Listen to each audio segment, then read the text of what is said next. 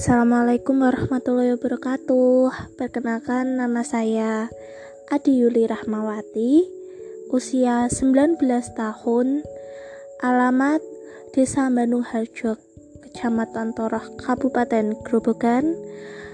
Di sini saya bertugas sebagai relawan demokrasi basis pemula. Nah, dalam kesempatan kali ini, saya akan mewawancarai salah satu pemilih pemula yang beralamat di Desa Bandung Harjo dan akan menjelaskan sedikit tentang pentingnya berdemokrasi. Indonesia termasuk salah satu negara demokrasi. Misalnya, dalam pemilihan presiden, gubernur itu dipilih dengan cara demokrasi yaitu dengan cara pemilu dengan syarat usia sudah 17 tahun.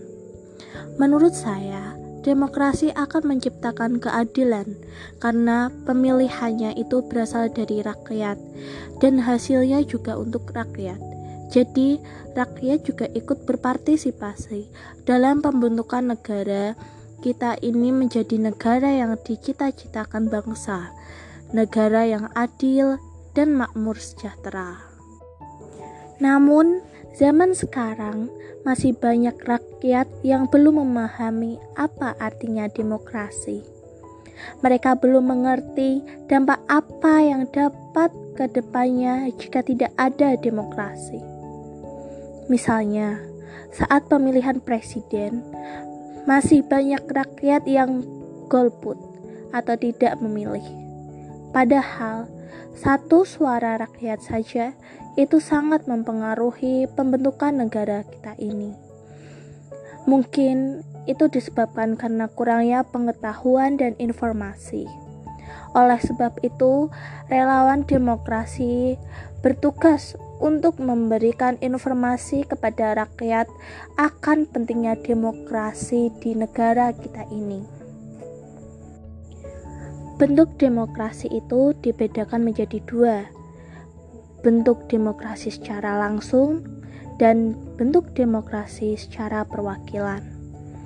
Demokrasi langsung merupakan suatu bentuk demokrasi di mana setiap rakyat memberikan suara atau pendapat dalam menentukan suatu keputusan.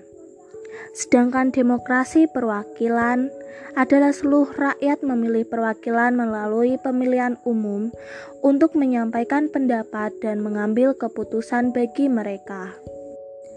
Dalam negara yang menganut sistem politik demokrasi, kekuasaan tertinggi berada di tangan rakyat dan pemerintah dijalankan berdasarkan kehendak rakyat. Aspirasi dan kemauan rakyat harus dipenuhi dan pemerintah dijalankan berdasarkan konstitusi yang merupakan arah dan pedoman dalam melaksanakan hidup bernegara. Para pembuat kebijakan memperhatikan seluruh aspirasi rakyat yang berkembang. Kebijakan yang dikeluarkan harus dapat mewakili berbagai keinginan masyarakat yang beragam.